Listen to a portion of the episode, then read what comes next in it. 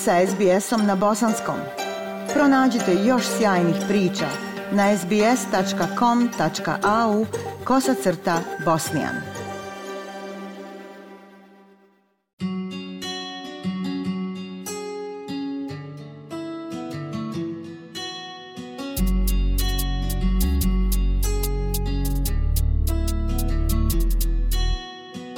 Slušate SBS program na bosanskom.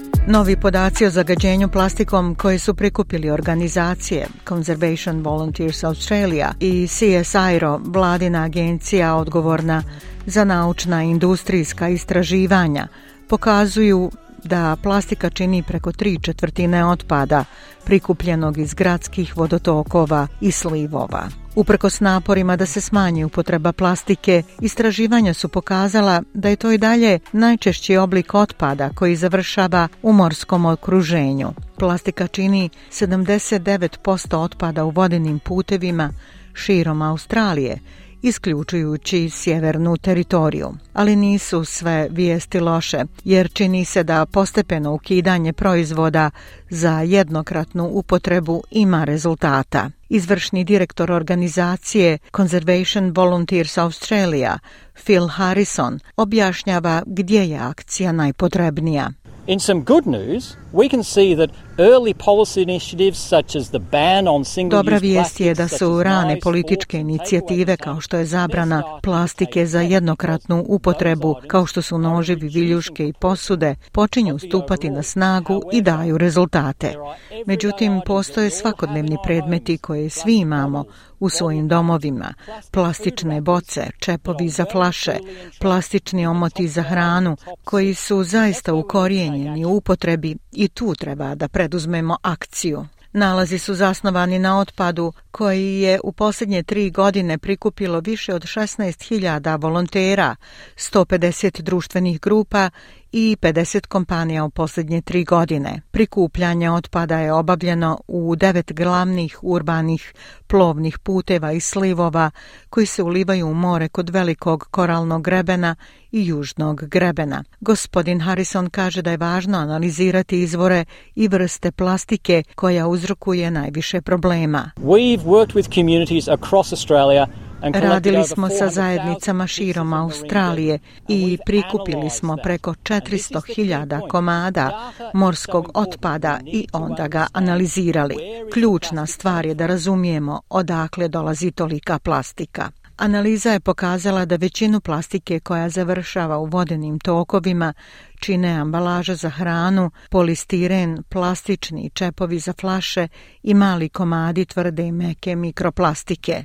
Zaštitnici prirode također su zabrinuti zbog opušaka koji čine 9% ukupnog otpada prikupljenog od strane volontera.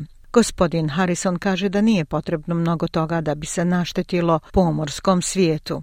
Research tells us that as few as 14 pieces of plastic is sufficient unfortunately. Istraživanje nam govori da je samo 14 komada plastike dovoljno nažalost da ubije kornjače u morskom okruženju.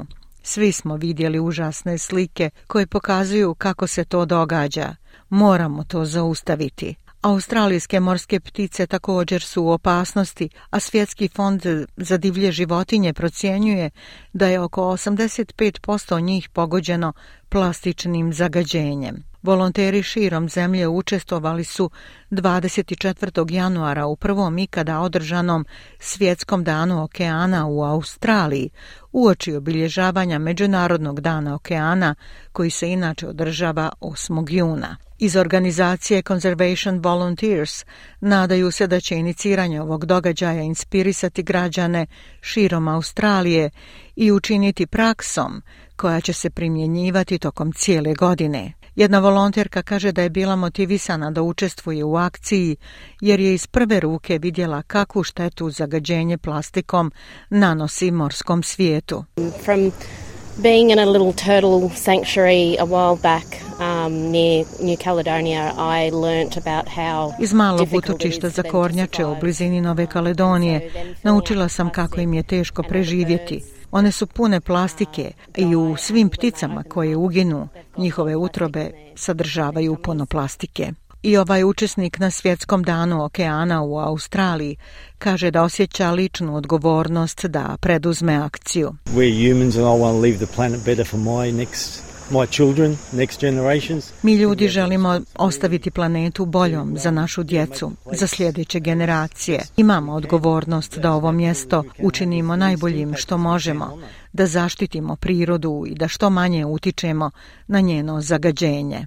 Analiza koju je sprovela organizacija Conservation Volunteers također je razvrstala udio plastičnog zagađenja u glavnim pritokama okeana po gradovima. Pert ima najmanju količinu plastike u svom otpadu, 61%, ali u Sidneju ova brojka se penje na čak 91%. Gospodin Harrison kaže da je organizacija razvila resurse sa CSIR-om kako bi pomogla Australcima da provedu reviziju svog kućnog otpada. Nadamo se da će to zaista ohrabriti ljude da se angažuju i djeluju na smanjenju zagađenja plastikom prije nego što završi u okeanu.